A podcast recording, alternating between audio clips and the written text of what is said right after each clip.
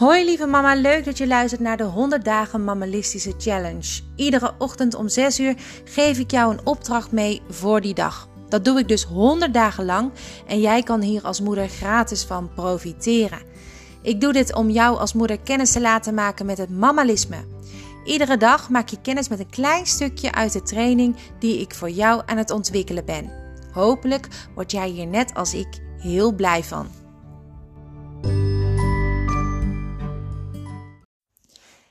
Daar zijn we weer. Goedemorgen. Hey, um, stel uh, dat jij beseft dat jij je gevoel kan sturen. Hoe zou jij er dan mee omgaan?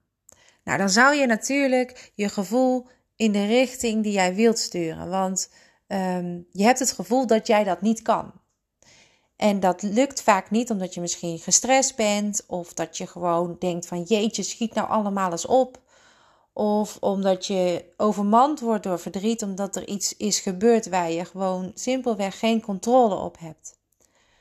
Als je dan op dat moment meteen zou denken: hé, hey, dit gevoel kan ik sturen, dan kan je dus zorgen dat jij jezelf niet gelijk zo immens verdrietig, vervelend, gestrest of boos voelt. Besef dat jij dat kan. Je kan je gevoel namelijk sturen, alleen dat moet je oefenen. Je weet gewoon op het moment dat jij uh, ergens zit helemaal alleen en je bent heel hard aan het huilen, dan weet je misschien nog niet meteen dat je uh, het kan sturen, maar het is wel echt zo. En natuurlijk moet je je emoties laten zien. Natuurlijk mag je je emoties uiten. Maar weet ook dat je het een draai kan geven. Dus als je een beetje in de put zit, weet dat je het een andere kant op kan draaien. En hoe doe je dat? Door positief te denken, door dingen om te denken. Nou, ik heb uh, voor jou dan de leestip omdenken. Dat kun je gewoon lenen bij de Biep. En uh, anders kun je vast heel veel informatie op internet vinden. Omdenken is simpelweg iets wat negatief is, positief omdenken.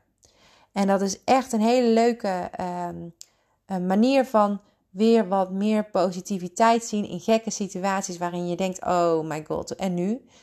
Weet gewoon, je gevoel kan je sturen door wat positief uh, te gaan kijken naar die situatie. Ook al denk je, nou sorry hoor, maar hier is niks positiefs aan. Toch kan jij jouw gevoel sturen. Zie dan dat jij je gevoel kan sturen in een andere richting als positief. Waarom zou je dat doen? Omdat als het negatief is en je gaat in die emotie, dan duurt het heel lang voordat je jezelf weer hebt bijgesteld. Het gaat natuurlijk op een gegeven moment een beetje van nature.